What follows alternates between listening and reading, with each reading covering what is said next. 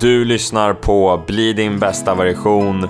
Mitt namn är Kim Schultz. Jag jobbar som hälsocoach både med mental och fysisk hälsa. Mitt mål med podden är att du ska bli en bättre version av dig själv. Där jag bjuder in människor som får berätta sina livshistorier och sina erfarenheter, lärdomar och tankar. Och som sagt, mitt mål är att eh, du ska bli en bättre version av dig själv. Samt att jag också ska bli det. Eh, nu kör vi igång!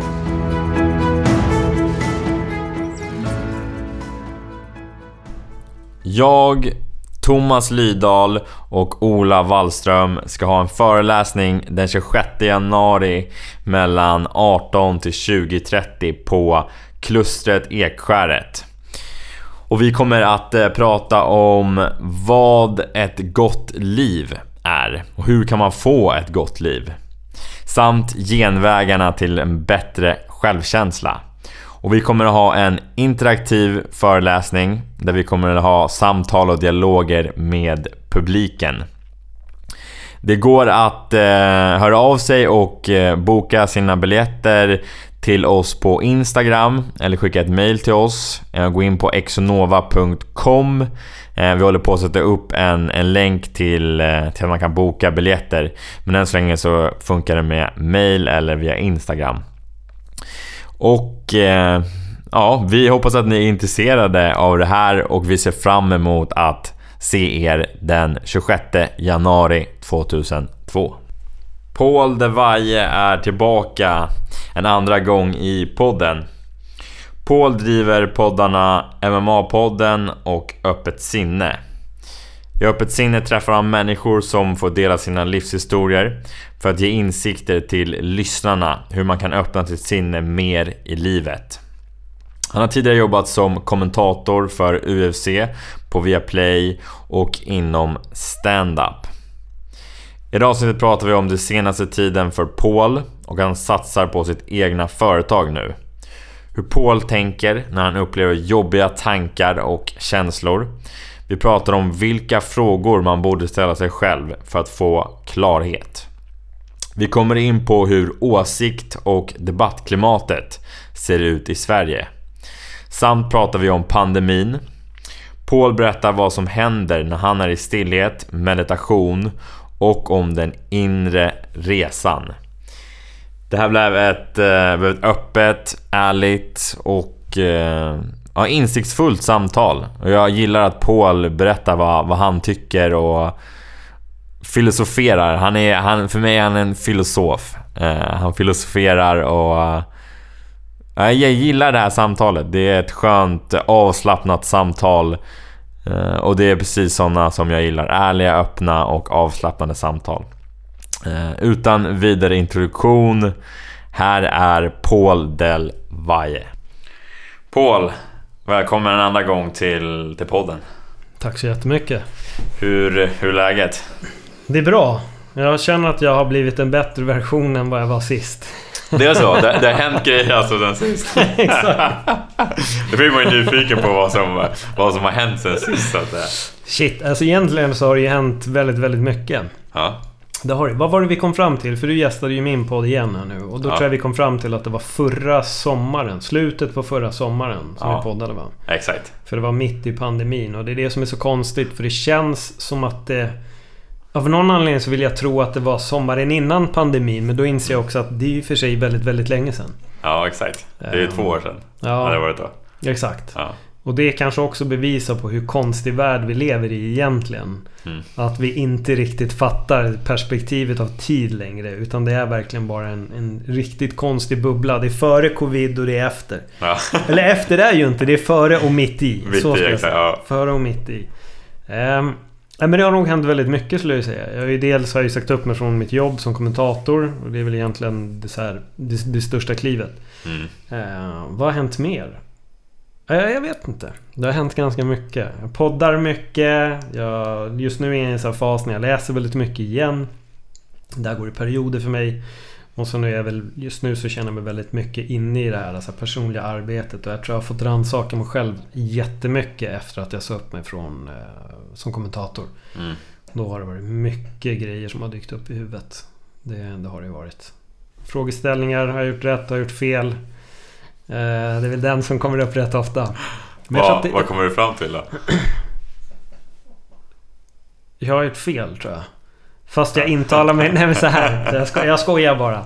Jag tror att min hjärna vill gärna säga ibland så här, Du har gjort fel. Ja. Det är nog det svaret jag kan, jag, jag kan komma fram till. Men sen när jag tänker logiskt så inser jag att jag har inte gjort fel. Jag har tagit helt rätt beslut. Men det är en kamp.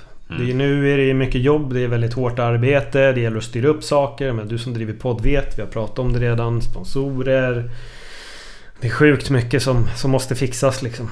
Mm. Det, det lättaste i världen man kan göra, det är att spela in en podd. Mm. Det är egentligen det absolut enklaste. Alla kan göra det. Det är skitenkelt. Men det är jättesvårt att göra en bra podd. Det är jättesvårt att nå ut. Liksom där kommer det svåra in. Men att trycka på rec och sätta sig två pers och splint. Jättelätt. Alltså det är inte svårare än att gå ut och gunga en gunga liksom. Man fattar hur man ska gunga bara. Eller du kan jämföra med cykel istället. Alla kan cykla. Vissa behöver fyra hjul. Andra behöver inte fyra hjul. Och det är väl samma med podd liksom. Ja. Sen finns det vi som vill, vill mer än att bara kunna ta oss fram. Och då blir det såklart en mycket större utmaning. Mm. Um, och det är väl där jag är just nu. Jag tror att... Alltså, jag skulle nog säga så här. Det, det som har varit mest... Det, det jobbigaste egentligen ska jag nog säga att eftersom att jag gör två poddar. Öppet sinne och sen gör jag MMA-podden. Två poddar som är sådana extrema kontraster till varandra. Mm. Det ena är att hypa nästa event, prata om fighters, prata om grejer som händer, matchningar. Sen har vi det som är att här, ja, men, verkligen gå djupt. Livet, höra om livsöden, vissa positiva, andra tragiska men oftast med en ljusglimt på ett eller annat sätt ändå. Um, och sen starta två nya YouTube-konton och så bygga upp dem och inse att shit, det tar sjukt mycket tid. Vad ska jag lägga krut på? Så ena sekunden får jag en känsla av så här, det här är det jag borde fokusera på för eh, MMA-podden har konkret mer lyssnare. Mm. Så jag kanske borde lägga sjukt mycket krut på den. Men sen säger typ så här hjärtat och hjärnan så här, men fan det är öppet sinne du brinner för och det är där jag verkligen hjälper folk med tanke på ja, vad folk har skrivit då.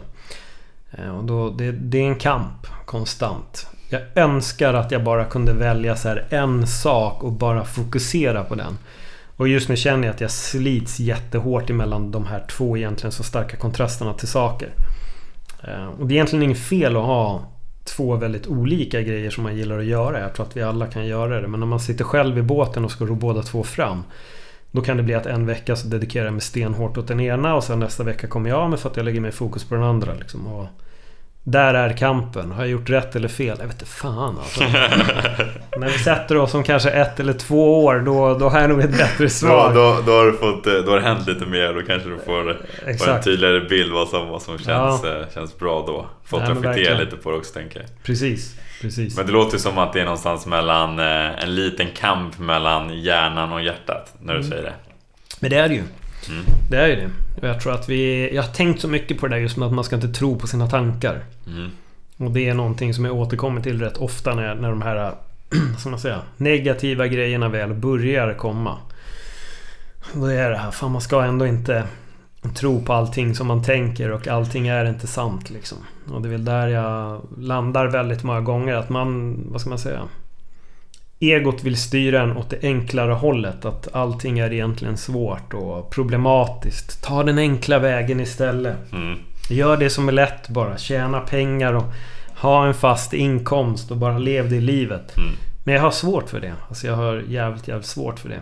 Och det är väl det som är min kamp hela tiden. Men samtidigt så lever vi också i en verklighet där jag behöver ha pengar. Saker måste rulla och... Mm.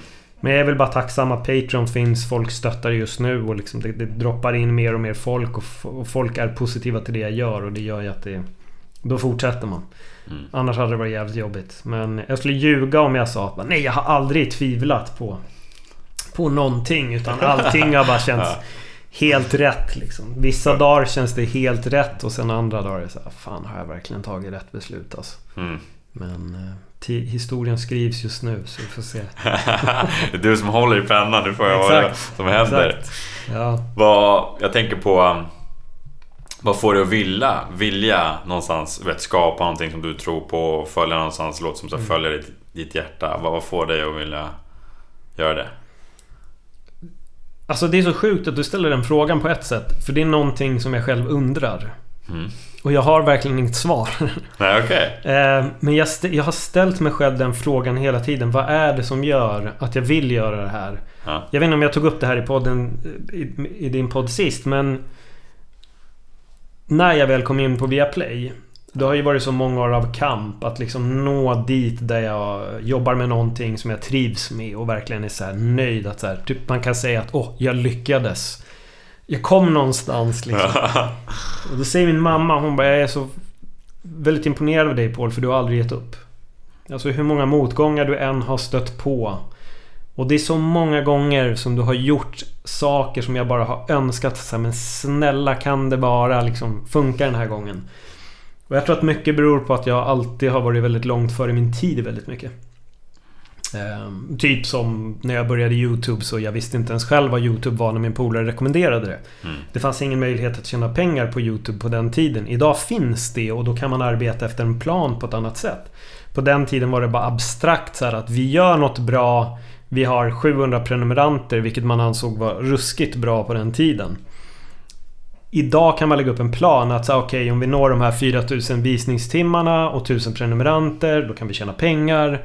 Då kan, vi, då kan man göra upp en plan liksom. Och vi hade en plan utan inkomstkällan. Mm. Um, och, och, det är där jag har jag känt själv när jag tittar tillbaka. Jag har varit sjukt långt före min tid många gånger. Och många gånger så har jag landat för det. Fan den här funkade inte men liksom Så får jag en till idé som jag börjar brinna väldigt mycket för och så strävar jag efter den. Mm. Och då undrar jag liksom vad fan är det egentligen som gör att jag hela tiden drivs av de här grejerna? För jag tror det någonstans också när jag nådde via Play så tänkte jag så här, men här, här kan jag verkligen gå i pension. Det var typ min tanke. Mm. Gör jag bara det här för resten av mitt liv så är jag väldigt glad. Och så fick jag idén om öppet sinne liksom och då började jag göra den. Och så fick jag idén om MMA-podden och så började jag göra den. Och då började jag känna att det inte är lika kul att gå upp eh, Eller att sitta upp klockan fyra på morgonen och säga Hej och välkomna till eh, Viaplay och kvällens sändning av UFC 269 ja. Det var inte lika kul längre jag tror att det är det där som är grejen med mig. Jag ska inte säga att jag alltid hittar något nytt men jag tror att i min egen utveckling Så hittar jag någonting som jag brinner mer för. Som till exempel med stand-up. När jag körde stand-up så kände jag kanske lite att jag får folk att garva men jag får dem inte att tänka. Men det får jag med öppet sinne. Alltså mm. där så slöts den cirkeln liksom. Um, och nu när jag väl börjar filma och göra grejer på YouTube så slutar jag också en till cirkel med att nu får jag programleda och nu sköter jag grejerna själv och... Men, men varför? Jag, jag, vet, jag vet inte mitt varför. Det är så många gånger jag bara har önskat att jag så här, kunde göra någonting där jag bara hade ett jobb, jobbade 9 till 5 och var nöjd. Mm. Um, och jag har gjort det. Och jag har även hoppat in i det och känt att fan det här känns bra. Men typ en månad, en och en halv, två senare så känner jag bara det här är inte jag. Jag, jag kan inte göra det här. Det är, finns något måste, annat där ute? Ja, det finns något annat. Ja. Mm. Så strävan så. efter någonting? Alltså strävan efter någonting mer eller så här? Jag, jag, tror det. Jag tror, att, jag tror att det är så svårt. Är du en kreativ människa? Jag tror inte att det går att sätta stopp på det. Mm. Um, det, är väl lite, det är väl lite så jag känner. Jag tror att det är som att det kanske var, kommer bli en konstig jämförelse här, men det är ungefär som att vara i en relation som du inte riktigt vill vara i. Du kommer till slut känna att det känns okej okay liksom men det finns någonting annat och, och då kan man lätt dra den ja men gräset är inte grönare och hit och dit. Mm. Men jag tror också många gånger ibland så landar man i fel relationer och man fastnar i dem av, av, av fel anledning. Och det gör att relationen kan aldrig bli bra. Mm. Och jag tror att det är detsamma med, min, med mitt driv. Att när jag landar i någonting, visst jag tjänar pengar.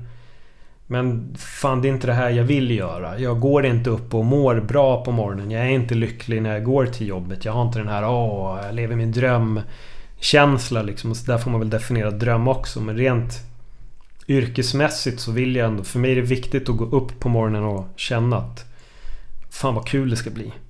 Jag vill utforska mer och jag vill, jag vill lära mig mer. Jag vill bli kunnigare inom det här. Och jag tror bara att de typen av yrken som jag har dragits till är alltid de lite svårare. Det är Mm. de där man skapar själv och det är, det är komplext. Mm. Men jag tror att bara, det, det är bara det det handlar om. Jag tror att det, det jag är gjord för det är inte alltid den enkla vägen i livet.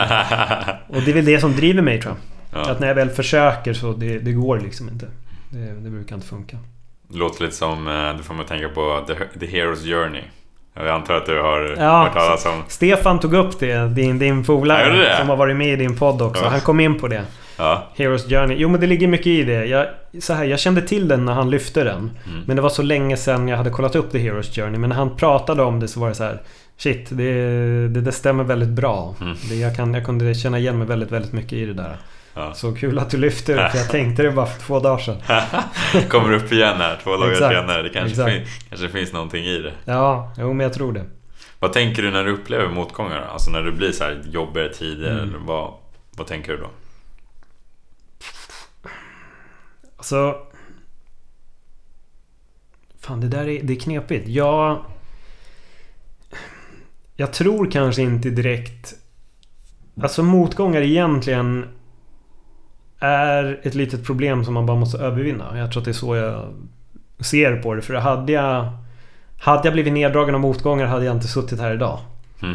Alltså förstår du vad jag menar? Ja. För, för då hade jag lagt ner för länge sen. Ehm, och det tror jag, jag tror det min mamma pekar på också det här med att... För, för det var det hon sa, jag slutförde inte grejen men hon sa det, hon bara jag är så liksom glad, hon bara jag är stolt över dig. Du har verkligen liksom lyckats. Du har kämpat, du har haft dina motgångar. Du har gått perioder då du inte haft pengar för att du har trott på liksom det du gör. Jag har alltid haft tillräckligt mycket pengar för att kunna liksom ta hand om mig själv men... Jag kanske inte har kunnat unna mig en resa eller liksom sådana saker. Mm.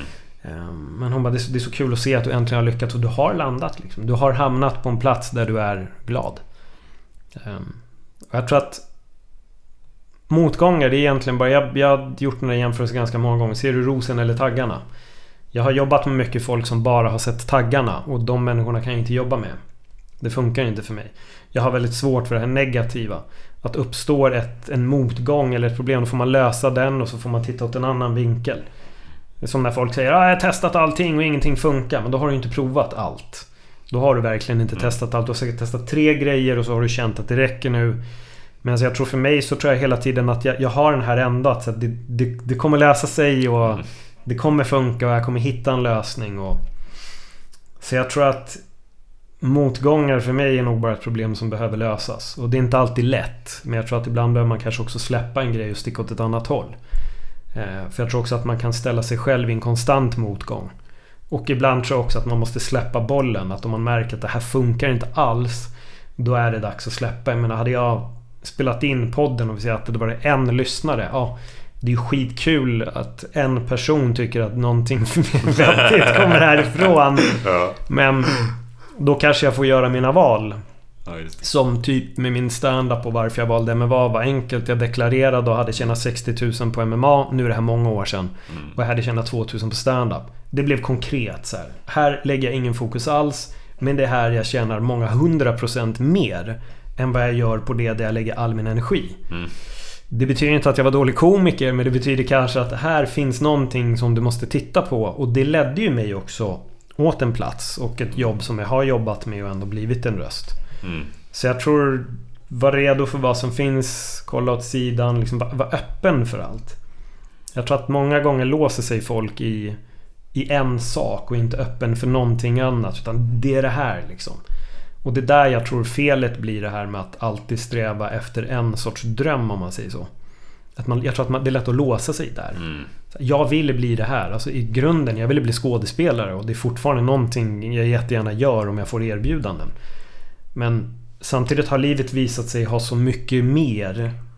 Så att de här motgångarna har fått alltid lett mig liksom åt ett annat håll på något sätt. Så jag tror motgångar leder alltid en till ett positivt ställe i slutändan ändå. Mm. Om man väljer att se det så eller så kan man bara lägga ner allting. Men ja, det är nog det svaret jag skulle säga där. Mm. Men jag känner igen det mycket från min egen resa också. Alltså att Mm. det, motgången är något som får oss att bli bättre också. Alltså det får ju oss att okej nu, nu finns det en möjlighet för mig att så här, ta mig förbi här. Och antingen som du säger, antingen så lägger man ner, okej men jag skiter i det. Mm. Eller så går man faktiskt igenom det. Och det är ju den som man blir blir också bättre. Exakt. Eh, och så kom, problemen kommer ju alltid finnas där. Ja. Så, så det, och de kommer ju behöva lösas. Alltså, eller, eller så gör du inte det, men då, då är, kvarstår ju problemet eller Ja. liksom den utmaningen. Nej, men jag tror alltid att det är utmaningar och vi, vi kommer konstant att råka ut för motgångar. Alltså det kommer hela tiden. Det kan, vara, det kan manifestera sig på alla möjliga sätt. Ja, som till exempel sponsorer. Den här sponsorn kom inte in. Eller den här sponsorn väljer att hoppa av. Då måste man hitta en ny. Mm. Så det är alltid nya små minimotgångar. Liksom. Ett avsnitt gick inte så bra som jag hade hoppats. Men vad beror det på då? Mm. Hur mycket mer kan jag göra? Jag tror, jag tror mer att det är där jag landar många gånger själv. Så här. Okej, l- lyssnar. Va- varför når en podd en viss typ av lyssning? Ja, men det är ju på grund av mig. Antingen så jobbar jag inte tillräckligt hårt. Det är lätt, som många har, det är lätt att sitta och kritisera folk som har lyckats och tycka att ah, men det de gör är ändå dåligt. Men samtidigt s- som jag gör med mig själv så påminner jag mig. Jag, jag kanske inte tycker att den här personen gör bra grejer. Men han gör jobbet och någonting gör den här personen som är så jävla rätt att den når ut överallt. Mm. Så hur kan jag kopiera det han gör? Det är nog, eller hon, det är nog så man behöver titta istället tror jag. Att det är lätt att snöa in på att andra lyckas och inte en själv inte lyckas. Men, men jag vet inte, jag tror att motgångar många gånger, jag försöker nog mer bara se Alltså vad gör, vad gör jag för fel? Va- varför får jag inte till det här? Eller varför når jag inte den här sponsorn? Eller varför är det så? Jag tror det Det är nog den jobbiga grejen istället. Att ställa sig den frågan. Det lätt, Ifrågasätta. precis, det är lättare att säga bara ah, men det går inte och det är så jävla svårt och det är det här och, och hitta alla de här jävla ursäkterna. Ursäkta. Och jag funkar nog inte riktigt så. Jag tror att allt, allt som inte går, det har med mig att göra på något sätt. Så då måste jag hitta en lösning på det. Mm. Ja, det var bra, bra insikt jag kom till där. Ja, det var bra. Filosofera fram den. ja, nej det är men typ. Jag, jag, jag tror verkligen att det är så. Och jag får påminna mig själv det hela tiden. Speciellt om gångerna när jag sitter hemma och bara Gjorde jag fel? Skulle jag verkligen ha gjort det här? Jag måste jobba hårdare. Ja, just det. Just det. Fan, det måste jag. Just det. Jag måste göra det här och det här och det här. Man får påminna sig själv Ja. väldigt många gånger. Vilka frågor brukar du ställa dig själv då? Mm, hur, hur tänkte du då? Om du har, har du några frågor som du ställer så här, dagligen eller frågor som du sitter och funderar på eller? Ja, alltså det, det är där det blir jobbigt också med att försöka göra två så olika saker. För jag får mer påminna mig själv om de här idéerna som jag har fått. Att det här, just det, du kom på för två veckor sedan att du skulle göra det här och jag har inte gjort det. Och det här betyder ju att jag är jävligt dålig på att planera vad gäller att ha en struktur för vad som behöver göras över tid. Och det är någonting som jag verkligen kommer ta med mig liksom egentligen nu. Alltså det här är något jag verkligen har kommit på typ så bara senaste veckan. Mm. Så jag har insett att jag måste bli mycket mer strukturerad på att skriva ner mina idéer. Sätta upp en plan över en månad. Det här behöver jag göra. Sen kunna gå tillbaka och kolla. Har jag gjort det här? Alla idéer som jag fick, har jag filmat dem? Har jag kontaktat alla som jag behöver kontakta? Har jag styrt upp allting? För jag tror ibland, jag lever väldigt mycket i mitt eget huvud med mina idéer.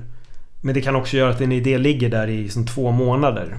Och det är där jag har verkligen tänkt att jag måste planera och strukturera mer. Och jag har varit medveten om att jag är dålig på att anteckna upp liksom, mina idéer och sånt. Så att jag tror det, är det jag hela tiden landar i. I den här. Nu, nu när du ändå var inne på det här med vilka frågor ställer du själv. Mm. Så ska jag nog säga att i påminnelser jag påminner mig själv om att nu måste du göra det här. Så jag har börjat journala. Mm. Men nu ska jag också börja med kalender. Så Ja. jag tänkte att det blir min så här 2022-grej. Ha en kalender, en bra jävel där jag kan anteckna upp varje månad. Ja. Det här ska vara gjort. Och då kan jag liksom bocka av det. Och det tror jag kommer att skapa en ganska stor förändring. Eh, För jag vet att jag ibland får idéer och så har jag de här idéerna i huvudet ganska länge. Liksom. Jag, med tanke på att jag sen får tio andra idéer till de andra grejerna också. Så blir de inte gjorda. Mm. De är kvar där utan det blir ingen action Ja, på dem. exakt. Mm. Exakt. Och just nu går jag mycket i ett så här tänk om okej, hur ska jag jobba med öppet sinne på YouTube? Och Ja. det kommer bli mer content från mig själv där jag pratar och så. Okej, vilken ände börjar jag i? Och där är det lätt att fastna bara. Mm. För det är också... Samtidigt så har jag också en annan grej med att jag spelar in två poddar. Den ena spelar in två gånger i veckan. Jag ska boka in gäster och det... Det tar tid liksom och då blir det ganska lätt att en vecka har jag sjukt mycket med det där och då blir inte det andra gjort. Så jag tror på den här månadsstrukturen att här, det här behöver jag göra. Tat, tat, tat, tat, styra upp. Så nu har du ett eh, nyårslöfte då så att säga? Jag gillar inte nyårslöften. men jag, jag, jag hoppas på att få en bra kalender i julklapp. Julklapp. Det är väl mer det. Så jag, jag hoppas på så jag kan börja lägga upp strukturen och verkligen skriva. Okej, på tal om frågor. Vad tycker du att eh, människor borde ställa sig mer frågor? Vad vill jag? Mm. Det tycker jag nog. vad, vad vill jag? Alltså jag tror att det är en ganska viktig fråga att ställa sig själv. Vad är det egentligen jag vill? Och det behöver inte bara, bara vara karriärsbaserat utan ganska så allmänt. Vad vill jag? Vad, vad, vad vill jag göra? Vad vill jag? Vad tycker jag är kul? Vad, vad vill jag hitta på? Vad får mig att må bra? Och jag tror att de frågorna behöver vi ställa oss oftare. För att det som skrämmer mig så jävla mycket det är när jag hör, och och man hör det här för ofta. Nej, mitt jobb är så jävla tråkigt. Äh, skönt, nu är det fredag, nu kan man kröka. Det är. Mm. Men är det verkligen... Är det det du vill för resten av ditt liv? Att uppleva fem dagar misär för att sen njuta i egentligen så här två och en halv dag. Mm. Egentligen bara en dag. Teoretiskt sett är det bara en dag du njuter av för att på fredagen går du ut, festar. Sen har du en dag som du är ledig. Sen är det söndag då du redan börjar ställa in på ah, fucking måndag imorgon. Så det betyder att man har egentligen bara en dag i veckan man lever för. Mm. Förutom sen då semesterdagar. Men det är nog med det skulle jag säga. Vad vill jag? Det är nog så här en, av- en fråga man bör ställa sig själv ganska ofta. Vad fan vill jag? Varför gör jag det här? Mm. Tycker jag verkligen att det här är roligt? Mår jag verkligen bra av att gå och jobba här? Och så jag uppmanar nog många att säg upp er från jobbet. Mm. Dra det finns några där som kan se upp sig. Det. Ja. Jo, men jag har uppmuntrat mycket om det i min podd. Men det är också så här. Säg inte upp dig bara för uppsägandets skull. Utan försök att ha en tanke med vad du vill också. Jag tror att ställ dig den frågan först. Vad vill jag egentligen? Vad, vad skulle jag vilja göra? Som Alan Watts. What if money wasn't an option? Alltså det, det, det är en jävligt bra grej att försöka hitta. Om pengar inte var något som jag behövde, vad skulle jag vilja göra då? Mm. Och det leder ju då till den svåra vägen i livet. Oftast. ja, men jag tror de, ja, vad vill jag? Det är Mm. nog det jag tycker man behöver fråga sig själv. Just det. Mm. Eh, jag undrar lite, du kommer in lite på samma där spåret, men så här, hur, hur gör du för att få... Du pratar ju om det nu ganska mycket. Hur gör du för att få klarhet i livet? Oh. Ja, får vi någonsin klarhet? ja, det är kanske är en fråga. Får man någonsin klar? ja, det är en bra fråga kanske det bara. Men för att bli med, du, du förstår. Jag fattar vad du menar. Jag förstår, jag, nej, men jag förstår exakt vad du menar. Men samtidigt så tror jag grejen är att jag vet inte om vi någonsin får klarhet i livet. Jag tror att vi hittar, eller i alla fall jag, jag hittar väl svar just nu. Eh, som funkar. Men samtidigt så märker jag att det är, alltså det är så konstant förändrande. Jag tror att vi som är på den här så kallade inre resan och, och där kan man ju jobba med den på olika nivåer liksom. Men jag tror att vi, vi, vi som är där ifrågasätter och rannsakar oss själva och allting vi gör och alla runt omkring och hur allting ser ut. Jag tror att där är så här, man får aldrig riktigt klarhet. Man kommer till ett svar som funkar just nu. Men sen så insåg man att det var ett svar då.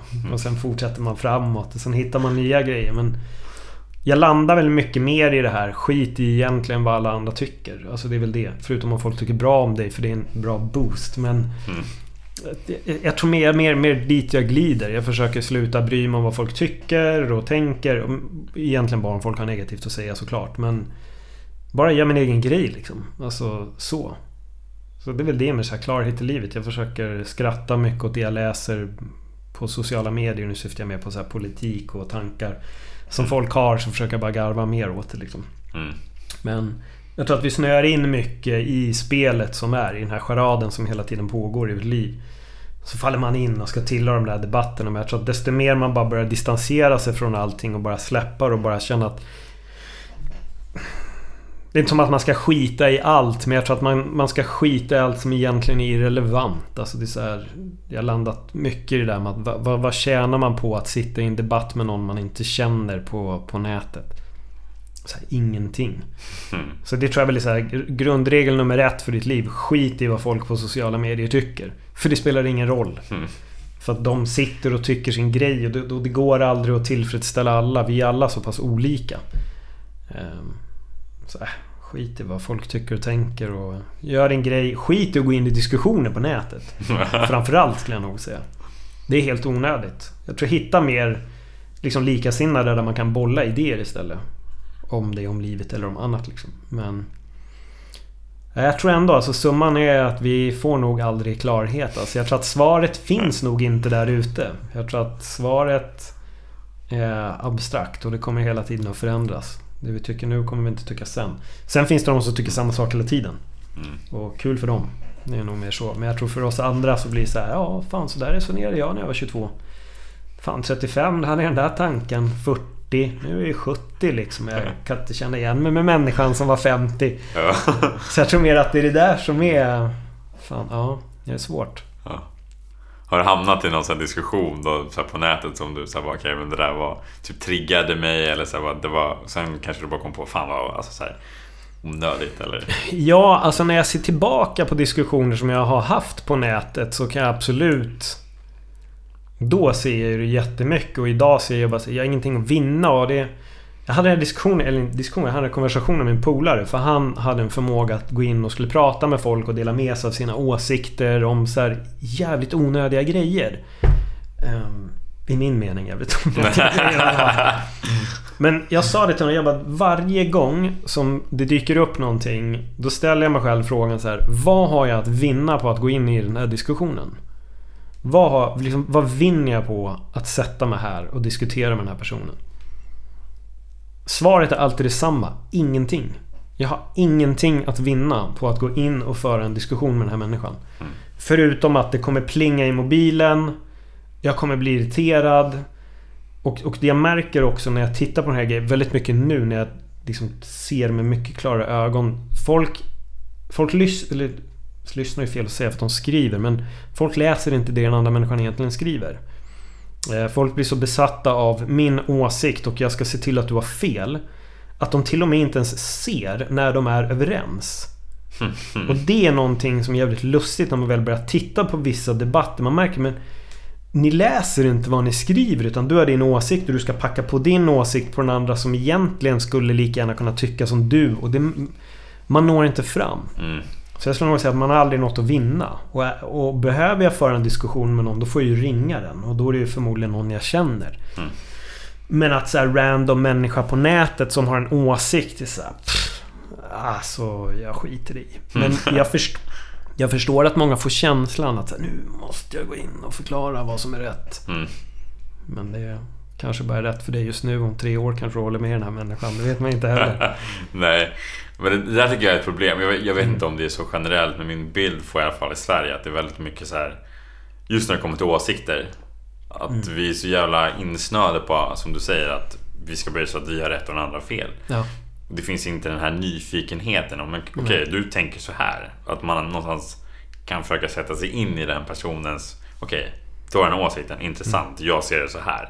Och där tycker jag hela så här, hela alltså politiker eh, Sverige, nu kanske det är så i världen generellt, men det är, så här, det är jag rätt och fel. Det är, så här, det, det är typ det som slängs på känns som hela samhället. Och speciellt i Sverige, i alla fall min känsla. Jag vet inte vad du känner. Jag håller med. Jag tycker väl att det ser ut så överlag. Alltså över hela världen när man ser på det. Det handlar bara om att ha rätt. Alltså jag skrev ett långt inlägg om det där. För att så, våga ha fel. Alltså det, vi, du går inte under för att du har fel. Jag läste någon gång där det var någon som hade skrivit... Jag vet inte var det var. Jag tror, det var Facebook jag läste det. Man var så här, har du någon gång... Typ den här personen menar då att den hade krigat så mycket för sin rätt Även fast den i den här konversationen hade insett att den hade fel. Så den hade gått så långt att den till och med... Jag vet inte hur fan det här gick till men den människan menar då. Jag hade till och med gått in och ändrat på Wikipedia. För att få rätt. Och det är så här, Sjukt. Shit, och, och det är där jag tror att... Det är där så mycket problem är för att vi vill inte lyssna. Det är så många gånger. Och det är det jag menar igen. Men det märks att folk inte läser vad den andra skriver. För att det, det handlar till slut bara om att jag ska ha rätt. Och det märker vi nu till exempel med Corona. De som är emot vaccin eller de som är för. Det handlar bara om att ha rätt. Det handlar bara om att ha rätt. Det handlar inte om att lyssna och förstå. Utan man plockar russinen ur kakan för att bygga på sina argument. Och så sitter man och krigar på sin grej hela tiden. Så, och det där ser jag så otroligt mycket snurriga grejer. Folk bara det var ingen överdödlighet förra året. Det betyder att Corona var inget problem. Nej, men mindre människor har dött för att folk har inte åkt till jobbet på samma sätt. Så titta istället hur många färre bilolyckor vi har haft. Det är ganska rejält. Det har, liksom, det har sjunkit ner mycket. Så Corona har räddat människor från trafikolyckor, död på jobbet. Men, men då vill de, bara, de vill bara titta på en siffra. Och där har vi svaret. Men vi har ju inte levt likadant. Det är väl klart som fan att mindre människor dör om vi är hemma hela tiden. Det är som jag läste någon studie, eller det var inte en studie, det var en, en artikel. Det här var ganska tidigt under eh, pandemin. Som stod att i Kina nu på grund av så hårda lockdowns så kommer färre människor att dö av luftförorening. det är sjukt. Förstå bara den. Ja, Att folk åker inte till jobbet längre. Det är inte en miljard vespor, motorcyklar, bilar som är ute och åker. Vi får friskare luft och det betyder att mindre människor dör på grund av luftförorening. Ja. Så det paradoxala i det här är att jättemånga människor dör. Men på en annan ände så är det liv som räddas. Vilket är helt sjukt. Men dit vill inte folk gå som är av den här att jag ska titta på överdödligheten. Mm. Jag ska se på det här. Samtidigt som man också vet om man har följt den här statistiken. Det låter som jag är värsta vetenskapsmannen. Det är jag inte. Men jag läste på lite om det här med, med liksom dödligheten över åren. Och det, min, det var mindre barnkullar. Det är färre liksom, ska säga, pensionärer som dör just nu för att det finns färre. Mm. Men så som vi lever idag, där det skaffas sjukt mycket barn, betyder att vår dödlighet kommer raketa upp om x antal år för att det finns fler barnkullar. De är större. Så om det föds, vi säger så här, om 100% har fötts ett år och året efter föds 50% barn. Och det pågår under 10 år och sen efter de 10 åren så börjar man föda 150% barn. Mm. Hur tror du att dödligheten kommer se ut? Den kommer ju vid en etapp kommer den att dippa och sen kommer den att sticka upp. Mm. Och under kriget föddes mindre barn. Nu syftar jag då på andra världskriget. Ja, ja. Och det gör att det finns färre. Det finns färre i en viss ålder men barnkullarna blir sen större. Och det, det är det som också gör att det fluktuerar. Ja. Men återigen, det är inte kul att titta på det utan det är bara roligt att titta på att ja, ser du förra året kontra nu och så bara där har vi svaret. Det är inte så enkelt. Nej, Ja, det är inte då, så svart eller vitt. nej, och då börjar de här dumma diskussionerna på nätet för det var egentligen det som var din fråga. Ja. Eh, Men, men det är nog så jag tycker mer att det är roligt att kolla. Då, då blir jag nyfiken på fan, folk tittar på överdödlighet. Men vad, vad, fan, då blir jag nyfiken på att titta på, på de andra så här, udda saker. Hur många dog inte av det här? Mm. Och då ser man att shit, där har det... Oh, jävlar, där har det räddats liv. Där har det räddats liv. Okej, intressant. Så det är... Men, men det, är, det är enkelt att dra bara bindestreck mellan allting. Och det är det folk vill göra. Och speciellt i diskussioner på nätet. Mm. Ja men det känns generellt så är människan, den vill bara hitta det enkla spåret. Ja, ja. Samma, det är samma sak som vi pratade om i början, att man vill hitta den enkla lösningen också. Mm. Vi är av naturen. Ja men så här är det. Bang, jag vet Ja. det. Det här är det. Så. Bra, min hjärna vet det nu. Nu vet jag vad min kropp det. Det här är Precis. svaret. Ja, det var mer som... eh, Det var mer som... eh, Det, det har inte dött mer det här året från, från förra året. Nej. Alltså då har vi svart på vitt. Det, coronan är, är inte så farlig. Nej. Alltså, och det är den enkla vägen. Ja, ja, men Det- verkligen. Och det, ja, hur kommer det sig att du har... Det här är ändå ett intresse, tänker jag, så här att finna svaren, tänker jag. Ja, Men jag, jag tror för att när folk kommer med... Det här kanske låter liksom taskigt, men när folk kommer med dumma kommentarer, med, du, med dum logik och dumma argument, vilket jag upplever att väldigt många gör. Det är så jävla mycket korkade argument. Och folk tycker att de här argumenten bara ah, shit vad bra. Liksom det här, det här tåget hoppar jag på av att tycka så här. Och det har inte bara med Corona att göra. Ganska generellt så kan folk komma med så jävla dumma argument som folk tycker är briljanta. Men det är många gånger för att de är enkla. Ehm, och då blir jag nyfiken på att titta på men hur ser det egentligen ut? Och dit orkar ju inte folk gå. Man, om man orkar inte utan det är lättare att reposta en, en meme som, som påstår någonting och bara ah, kolla här jag hittade en meme och så då är det så här för att jag tycker att det skulle kunna vara så. Och, och, och då flyger folk in i det då blir jag mer... Nej, då blir jag bara nyfiken. Jag, jag gillar nog att rannsaka de dumma argumenten tror jag. Och speciellt eftersom att vi lever i en pandemi. Det, det går inte att... Jag tror ingen har missat det. Nej, Att vi nej. lever i en pandemi. Det var som någon, någon det var här så jävla roligt. Det var någon som skrev att Det här är egentligen inte en pandemi. Och då Mm. skriver personen fast Jo men det är det. Nej men det är ingen pandemi. Han bara jo alltså en pandemi det räcker ju med att så här många har blivit sjuka och att det har börjat spridas över världen. Debatten här är extrem men det är fortfarande en pandemi. Ja. Och det tyckte jag var så jävla klockrent för det visar också att folk har inte koll. Vad pandemi är. Nej, de har inte riktigt koll. Vad, vad är skillnaden? Och nu kommer inte jag citera vad, vad skillnaden är. Men liksom det, det är väldigt lätt att bara säga att det är inte på det här sättet. Men ibland behövs det inte så mycket för att det ska vara på ett visst sätt. En pandemi den har sina, vad ska man säga, statistiskt sett hur många ska bli sjuka, hur mycket ska ha spridit sig. För att det är en pandemi. Mm. Men då är folk här, ja men det är inte det, det är egentligen inte det, och det är det här och det är det här. Och så vill man hitta alla anledningar. För jag hamnade just i en diskussion när det gällde överdödlighet och då sa jag det, men har du tänkt på att det är färre som kommer dö av bilolyckor på grund av att de inte åker till jobbet? Mm. De kanske inte halkar liksom när de åker med bilen och, och kraschar in i ett träd. Mm. Nej, du vet den ekvationen var inte där. Mm. Och det, det, det är då jag tycker att det är väldigt intressant här att man Man vill gärna inte tänka steget längre. Men det här, sånt här har vi sett innan pandemin också. Att folk bara Kolla här, då är det så här. Mm. Man vill alltid ha det lätta svaret, men det är inte så. Annars är det en konspiration. Det är också standard. Konspirationsteorin, ja de har ju Exakt. flödat ganska Ja. vilt i samband med, med Corona. Ja. För att komma in på någonting helt annat. Ja. Eh, vi var inne på det lite tidigare, men lite samma eh, personlig utvecklingstänket. Mm. Eh, vad händer med dig när du är i stillhet?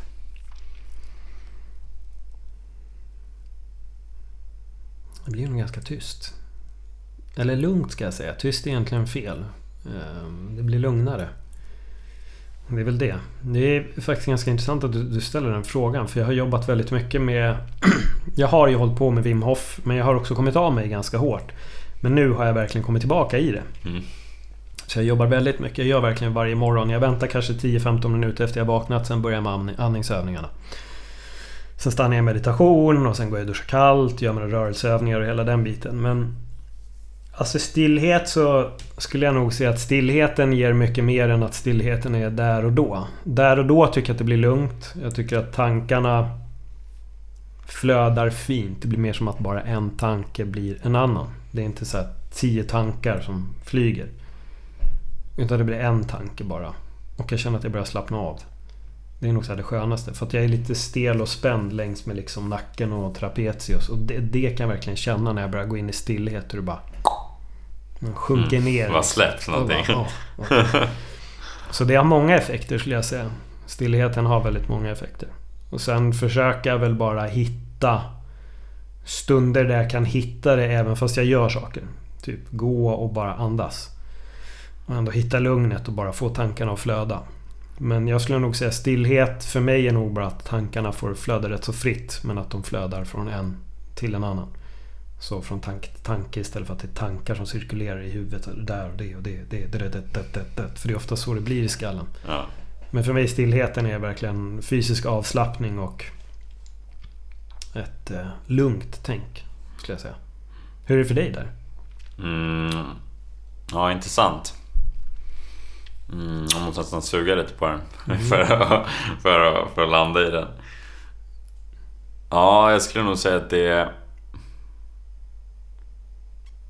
Någonstans när det blir tysthet, det, ja, men det blir någonstans oftast lite mer... Det blir lite samma sak, det blir lite mer klarhet brukar jag säga. Alltså det, det är inte lika många tankar som du också säger. Det blir lite mer klart och man får bara tid av att faktiskt kunna sitta och fundera utan att så här pang, pang, pang, pang, pang. Alltså så här tanke på tanke. Jag håller nog med ganska mycket av det du säger. Att det blir, det blir mindre tankar. Mm. Ehm, och det blir också, det blir någon slags, jag känner nästan så att det blir någon avslappning också. Alltså det blir Ja. så här. Alltså det känns lite så här, speciellt för mig blir det typ så runt axlar och bröst kan jag känna bara, Mm. ah, bara sjunker ner lite grann också. Alltså det blir lite så här, åh, jäkligt skönt. Mm. Ehm, så nog ganska liknande skulle jag säga, eh, faktiskt. För det jag upplevt också är att jag... Alltså det går ju det går inte att komma ifrån att när jag väl tog det här steget att säga upp mig och allt. Det, det är klart att det tillför en, så här, en skön känsla men också en stress. Mm. Fuck, det här måste funka liksom. Vad Mm. gör jag annars? Där har meditation hjälpt jätte- jättemycket. Eh, för jag började märka vilket behov jag var utav meditation och jag märkte så tydligt när jag mediterade hur lugn jag blev. Hur dagarna blev annorlunda. Jag var inte fylld av det här oh shit, det här måste lösa sig. Utan jag sa okej. en grej i taget. Försök ta en grej i taget. Försök lösa en bit i taget. För att jag har ju hundra bollar och hundra idéer liksom som är där. Men jag landar mer och mer i att så här, jag, jag, jag kan inte göra allt på en gång. Jag kan inte tänka på allt på en gång. Jag kan inte ta, jag kan inte ta på mig stress som inte påverkar mig idag. Utan jag kan slappna av inför det här. Det är inte panik nu. Jag dör inte nu om det här inte har löst sig. Mm. Liksom. Att var sak har sin tid. Det skulle jag nog säga att det, det intressanta är nog mer vad stillheten gör efteråt. För det, det är där jag verkligen får ut all positivitet egentligen. Bara att så här, Är det här någonting som jag behöver stressa upp mig för? Är det här någonting som jag egentligen behöver lägga så mycket tankeverksamhet på? Är det här egentligen viktigt för att gå och nöta i mitt huvud? Mm. Så jag skulle nog säga att stillheten ger dig lugnet efteråt och det är det som är så skönt. Den bidrar till mer liksom avslappning över dagen och över veckan. Och speciellt dagar som börjar bra med bra andningsövningar, bra meditation. Det är så här, åh, då är man bara helt, helt lugn. Sen kan man göra det på kvällen också men det är eftereffekten av stillhet skulle jag nog säga är det bästa. Mm. Det, det den bidrar med är det som är riktigt, riktigt bra. Mm. Men det håller jag med om. Det, är därför, det känner jag liksom... Det är det som att någonstans... Ja men det blir en klarhet. Mm. Alltså det blir en klarhet. Så, okej, där ska fokus ligga. Eller så här, nu känner jag mig lugnare. Och det är så här, då blir det oftast... För er lugnare för mig. För så blir det oftast klarare på vad jag ska fokusera på någonstans. Så därför blir det någonstans en, en klarhet tänker jag i alla fall. Nej men verkligen. Ehm, om, eh, om en människa skulle börja göra en skillnad i sitt liv. Mm. eh, vill påbörja att göra en skillnad i sitt liv. Vad skulle du säga, vad är det första man ska fokusera på då? Sig själv tror jag. Det låter ju ruskigt egoistiskt. jag menar mer i den här, vad, vad vill jag? Alltså lite, lite den frågan. Alltså ställa sig själv frågor. Tror jag nog att om du vill göra skillnad i ditt liv så måste du ju veta vem du är. Och då behöver du nog ställa dig själv frågor. Mm. Vad vill jag? Vem är jag? Vad får att må bra? Vad mår jag inte bra av? Alltså, alla de frågorna egentligen som jag tog upp lite tidigare. Jag tror nog säga att det är det man behöver ställa sig själv. Ehm, för att det, jag tror att det är väldigt lätt att bara säga jag vill göra skillnad. Vad vill du förändra? Jag vet inte. Alltså jag tror att först måste du ha nog lite svar på att så här, jag, jag vill mer än vad jag, vad jag upplever nu. Men ställ frågor. Det är det jag menar. Var, Mm. var, var lite egoistisk och liksom, vad, vad vill du egentligen? Jag tror de där frågorna bör man ställa sig själv. Mm. Och det behöver inte bara vara att åh, jag måste byta jobb. Utan bara vad vill du med livet? Vad får dig att må bra? Det kanske är någonting som du inte gör just nu.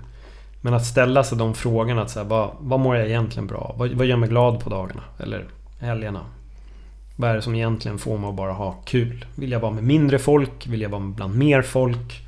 Vad ger mig energi? Mm. Att fråga sig det. Men börja verkligen bara alltså meditera skulle jag nog säga. Det vill säga en bra start. Så ställ frågor. Mm. Alltså frågorna kommer att, att ge svar. Mm. Och läs kanske böcker. Man kan hitta allt möjligt om din inre resa, eller spiritualism eller vad man nu vill kalla det liksom. Men bara ifrågasätt skulle jag nog säga. Ifrågasätt dig själv. Det är nog starten. Mm.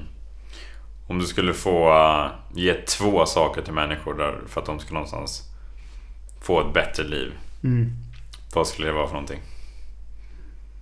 Eh, men meditation, våga se inåt. Och sen träna.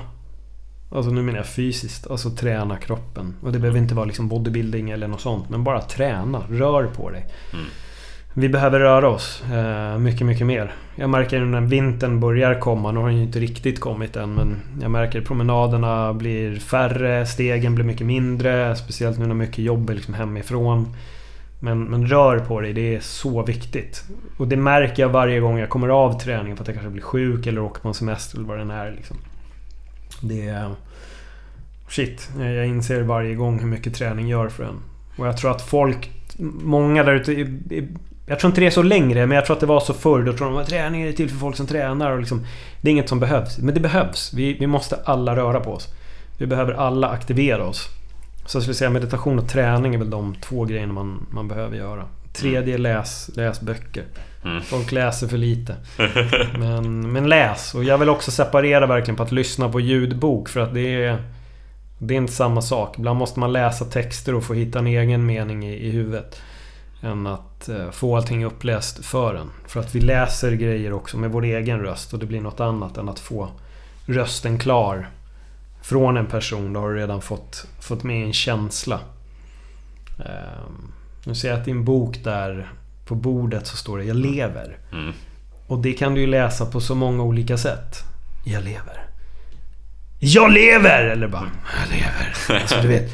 Du, och det är det där jag tror att när du väl läser själv så kommer alla meningar att få en viss betydelse för dig. Mm. Och det är därför så tror jag också att det är viktigt. Det är inget fel att lyssna på ljudbok men eh, Prova att läsa också. Så här, läs ord och låt dem skapa en mening i ditt huvud än att få någon annans redan betoning på de här orden. Mm. Så det, är väl, det blev tre istället för två saker. Helt okej alltså. Mm. jag gillar det. Du får gärna ta en fjärde om du vill också. Vad, på tal om läsa då. Mm. Har du något, så här, eh, något som du har läst som har resonerat riktigt starkt med dig? Som ja, men fick dig att någonstans Mm. ge en insikt?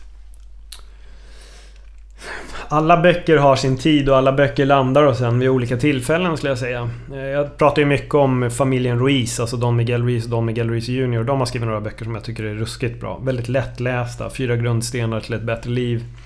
Eh, Master of Self och Master of Love med Don Miguel Ruiz Jr. Tycker jag väldigt mycket om.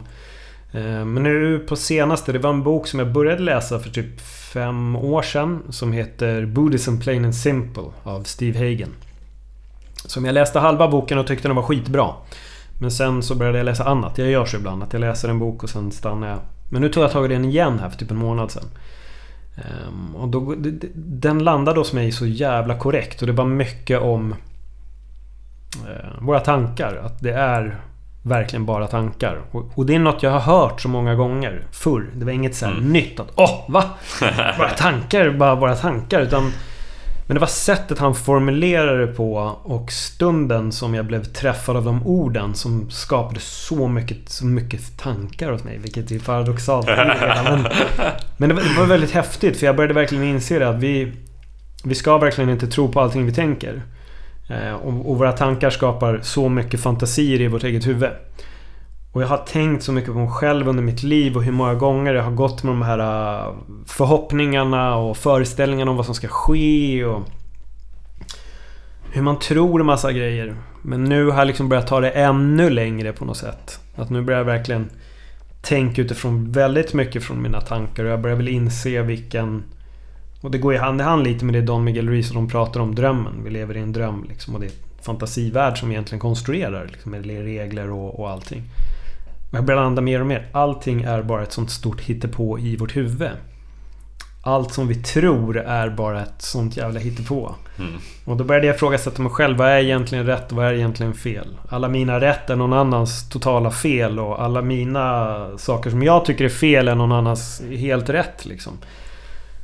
Och vi hittar på väldigt mycket. Vi, vi har allting så som världen fungerar är egentligen bara en konstruktion av massa påhittade idéer som, som sen blir nedärvda. Att dina föräldrar säger till dig att så här är Kim. Och så då tror du att det är så. Och sen vaknar du upp en dag och inser fast fan vänta riktigt, det där håller jag inte riktigt med om. Jag tycker kanske inte att det är så. Och då börjar det här uppvaknandet på något vänster.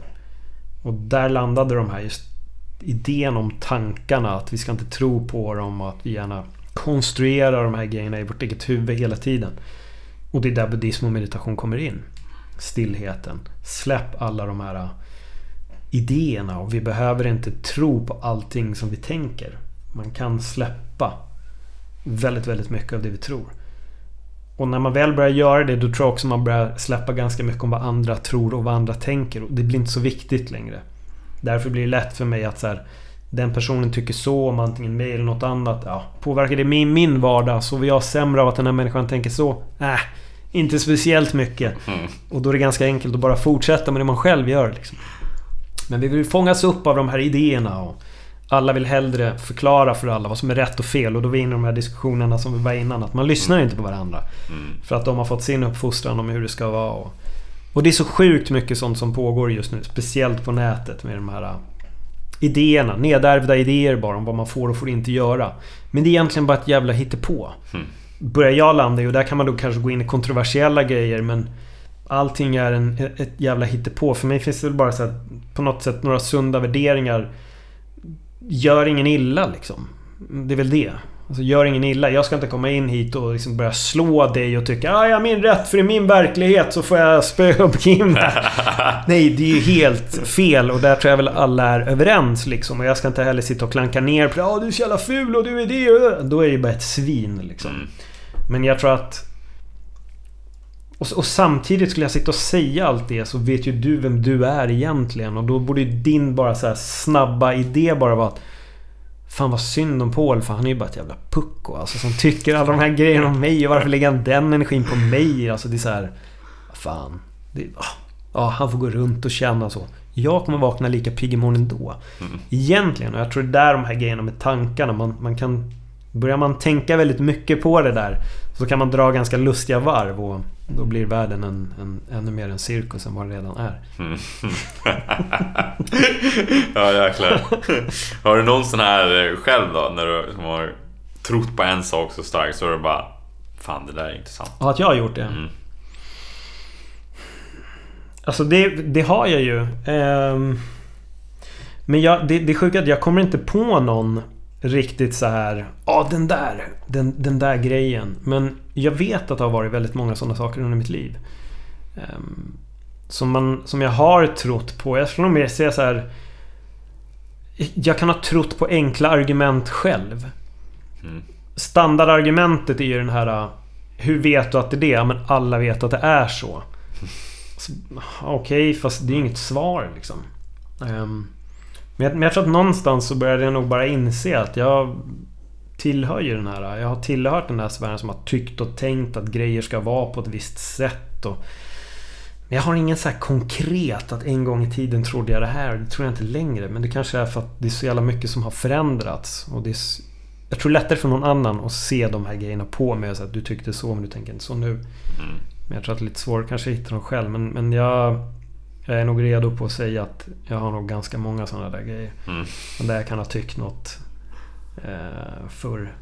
Men jag kommer inte på något så det är dumt att bara slänga ut någon sån här skitlöjlig grej. Men, men eh, jo då, 100%. Det är, det är inte som att jag föddes Buddha liksom. föddes med Buddha i handen. Precis, kommer precis. Ut, kommer ut och bara Mamma det är lugnt, du behöver bara meditera lite och slappna av. Liksom. Varför skriker du inte pojk? Då bara det finns viktigare saker än att skrika som bebis. Sen. exakt, exakt. ja, nej, jag förstår. Det, det kan vara svårt att få det direkt upp så här. När man är så inne ja. kanske i sina egna grejer just, just nu. Ja jag förstår det. Eh, jag kommer inte på någon själv heller men det finns ju säkert eh, jättemånga som, som ligger i min egen, min ja. eget huvud också. Ja, där alltså... man har trott på saker och ting. Typ motgångar kommer jag på. Ja. Det var en sån grej som var för mig. Att så här, jag trodde inte att framgångsrika personer hade motgångar. Nej. Det hade jag inte en aning om. Alltså att de kunde må dåligt eller så här, uppleva jobbiga känslor och tankar. Jag trodde bara, men de här är typ så här Superman tänkte jag. De som är framgångsrika, typ fotbollsspelare eller entreprenörer och sådana grejer. Men ack, så fel jag hade. De är också människor och upplever ju också ja. motgångar. De kanske mer än någon, alltså om man ska vara ärlig.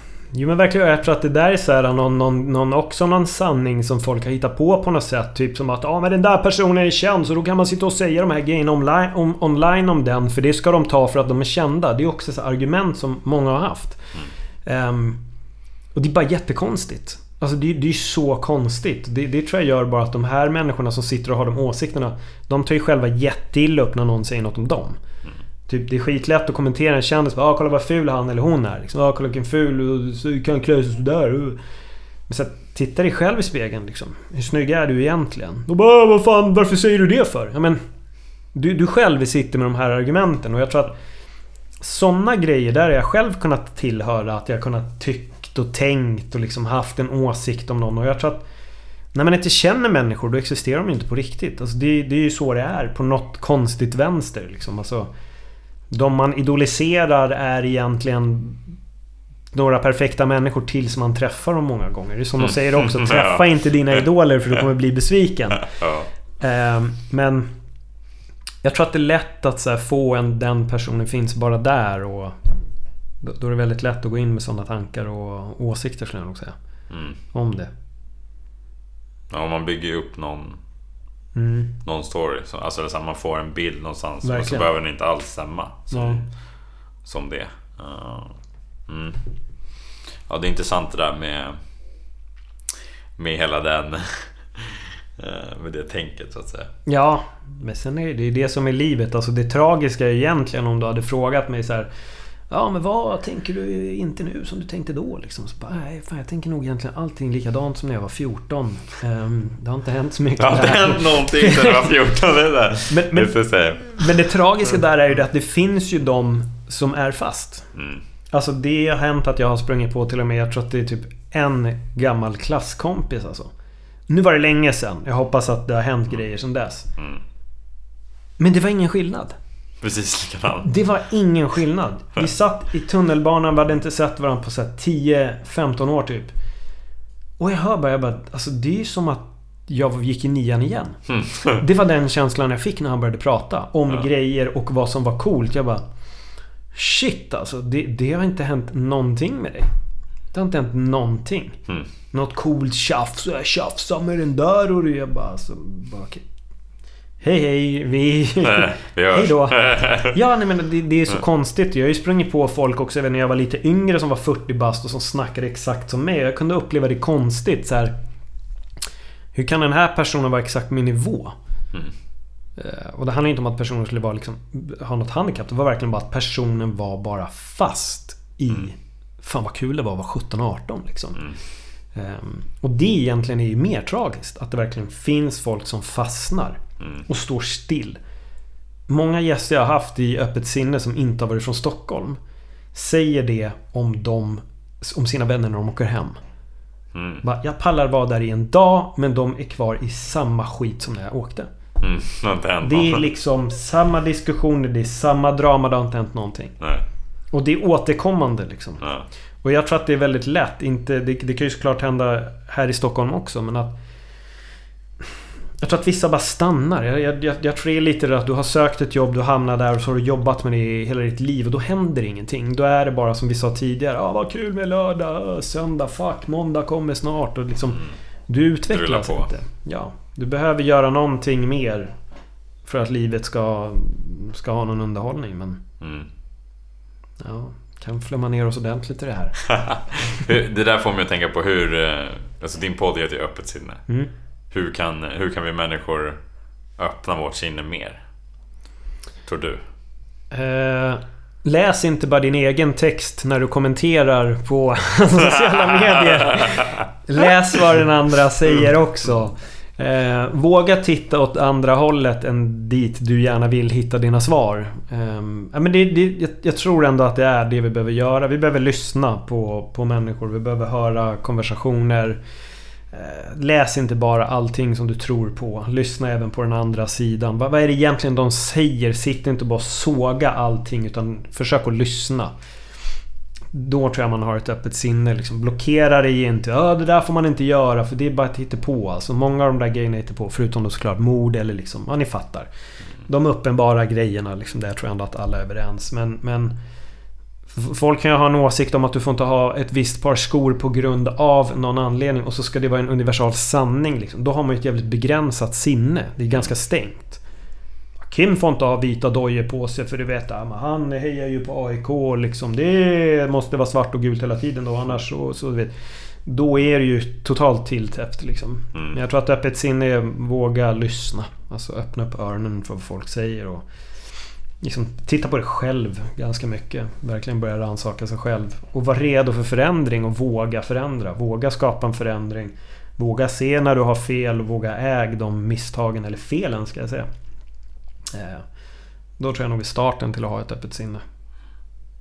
Varför tror du att vi har svårt för att äga de... Alltså när vi har gjort fel eller vi har gjort något misstag eller du förstår jag? Jag tror bara att vi gillar inte att ha fel. Alltså vi vill göra rätt hela tiden. Mm. Jag hade den här diskussionen med min brorsas son någon gång när vi kom in på någonting. Det var, han växer ju som fan. Nu syftar jag på längd. Alltså han är sjukt lång. Liksom. Han har ju vuxit om alla i familjen. Han är ju väl typ 1,90 någonting och är väl 16 bast. Eh, Så han har ju stuckit iväg. Och då kom vi in på längd. Och då... Jag tror jag visste att han var längre än vad han var. Men han envisade som att han var en viss längd och det slutade med att vi får mäta. Han hade vuxit förbi det och det var inget tråkigt liksom. Mm. Men då blev hans frustration blev att han bara fan...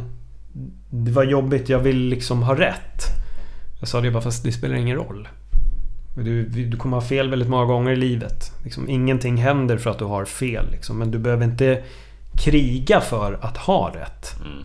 Man kan kolla upp och så ser man att så var det inte och det är inget mer med det liksom.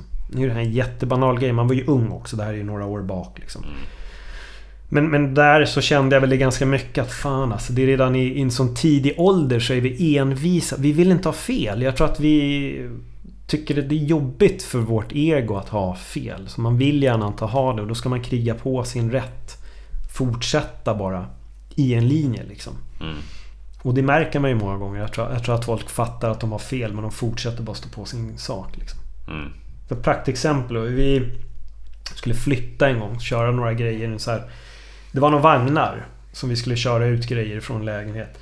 Och då är det en snubbe som är med där som har den här vagnen fel. Så när han kommer i en kurva då måste han lyfta. Så Mm. lyfta på den här för att svänga runt istället för att ha styrhjulen framåt eller bakåt. Jag kommer inte ihåg. Så jag bara vänd på den. Då kan du svänga den mycket lättare. Mm. Han bara sket i det.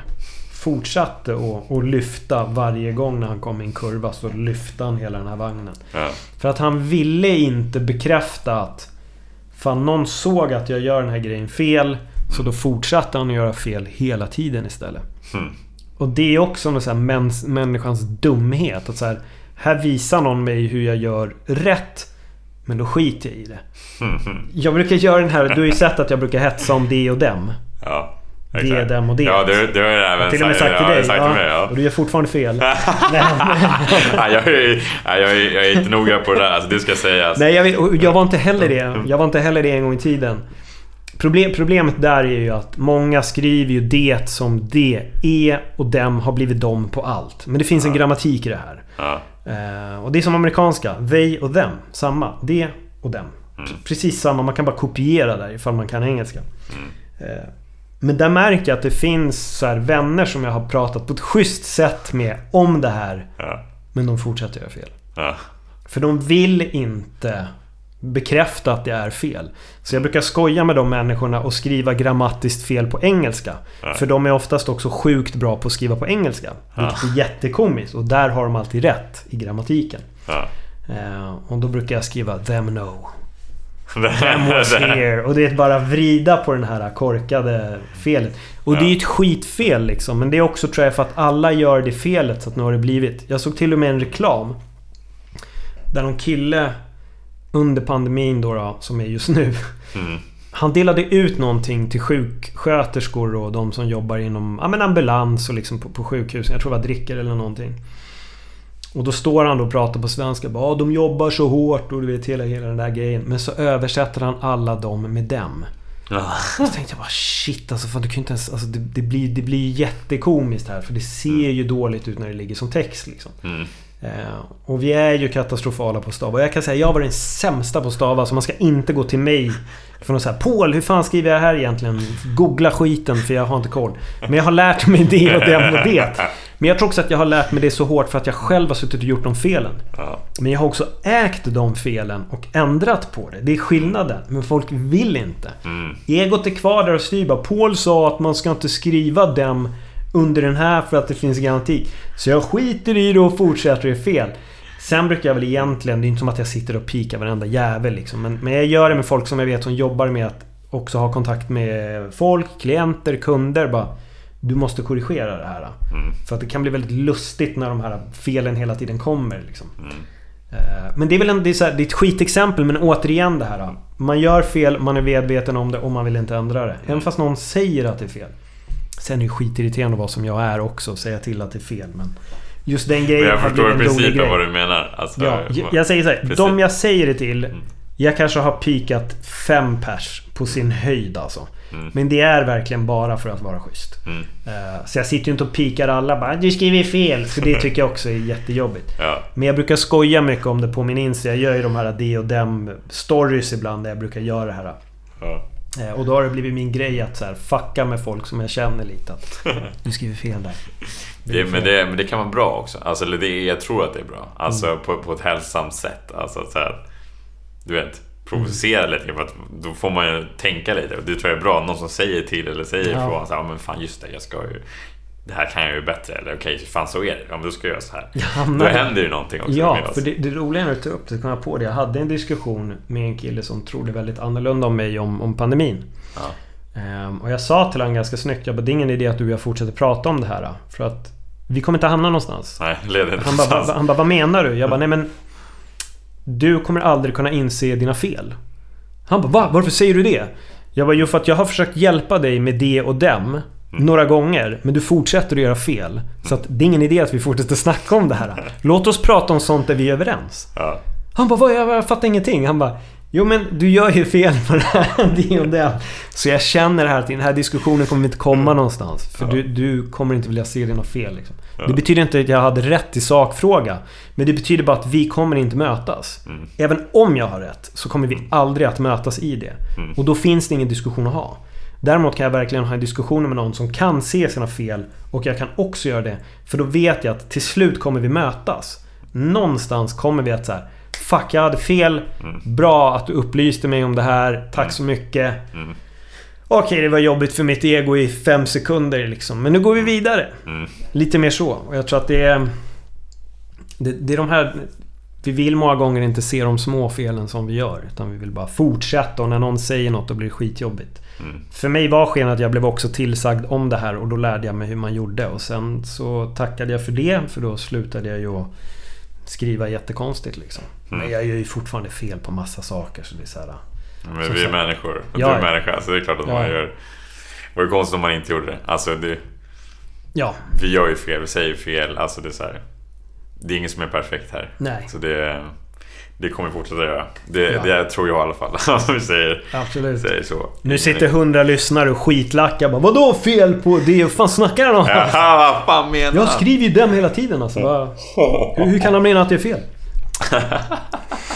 Ja, exakt. Nu kommer du få en jävla mobb emot det här. Exakt, exakt. Vi som hatar Paul på grund av att han menar att vi som skriver dem hela tiden har fel.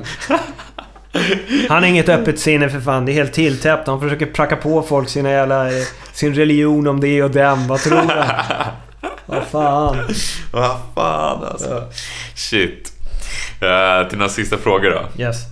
Vad, jag kommer inte ihåg om jag ställde de här sist, men eh, i sådana fall så får du... Ja, vi får se om får, jag kommer ihåg dem. det, Ja, precis. Det var Eller så har de förändrats. Ja, kan ha varit så. Mm. Vad, vad vill du lämna efter dig för någonting? Ja, men jag har för mig att du... Den här kanske du hade ställt. Ehm... Ja men folk måste lära sig det här med det och dem alltså. Det är nog säkert det viktigaste. det är fan det som jag vill lämna efter mig. Det ska stå på min gravsten så här. Tack Paul för att du lärde oss skillnaden på det, det och dem. Det, det, det, det vill vi verkligen tacka dig för. Eh, nej, alltså skämt åsido. Nej men alltså... Jag tror att mitt, mitt... Om jag ska lämna så här ett arv då hoppas jag att det är öppet sinne.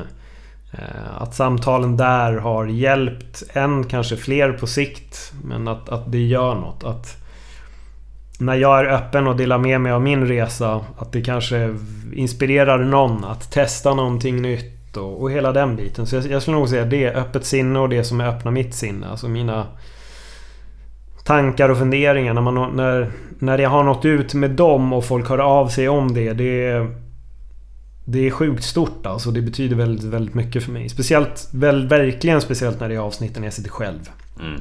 Att det får folk att tänka eller får folk att ändra på någonting. Så det är nog... Ska jag lämna efter mig en sak så är det det med det. D-E-T stavat då. Här fick du till det. Här är bra. Snygg, snygg uppvärmning. Precis, precis. Ja, fint, fint. Um, till den sista frågan då. Mm. Hur tror du att man lever ett bra liv? Alltså det där finns ju inget bra svar på alltså. För att det kommer vara så olika för alla.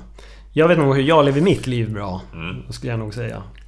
Eh, sen brukar jag i och för sig tycka att det är väldigt kul ibland att skoja när jag är ute och går med någon och säga att hade jag levt den där personens liv så hade jag gjort det jävligt bra. Men det är min skådespelar och fantasigrej som kommer igång då, så det är mer ett skämt. Men... Eh, alltså jag tror att det, det där är jätteindividuellt. Eh, jag har väl hittat någonting just nu som funkar för mig, men jag tror att jag kommer att också det här illusionen av framtiden. När jag väl har uppnått det här kommer jag må skitbra. Eh, men jag tror det. Alltså gör, gör saker som, som får dig att må bra. Jag tror att det, det tror jag nog egentligen är det bästa receptet för alla. Eh, om jag ska välja en grej så, så fokusera på det som får dig att, att må bra.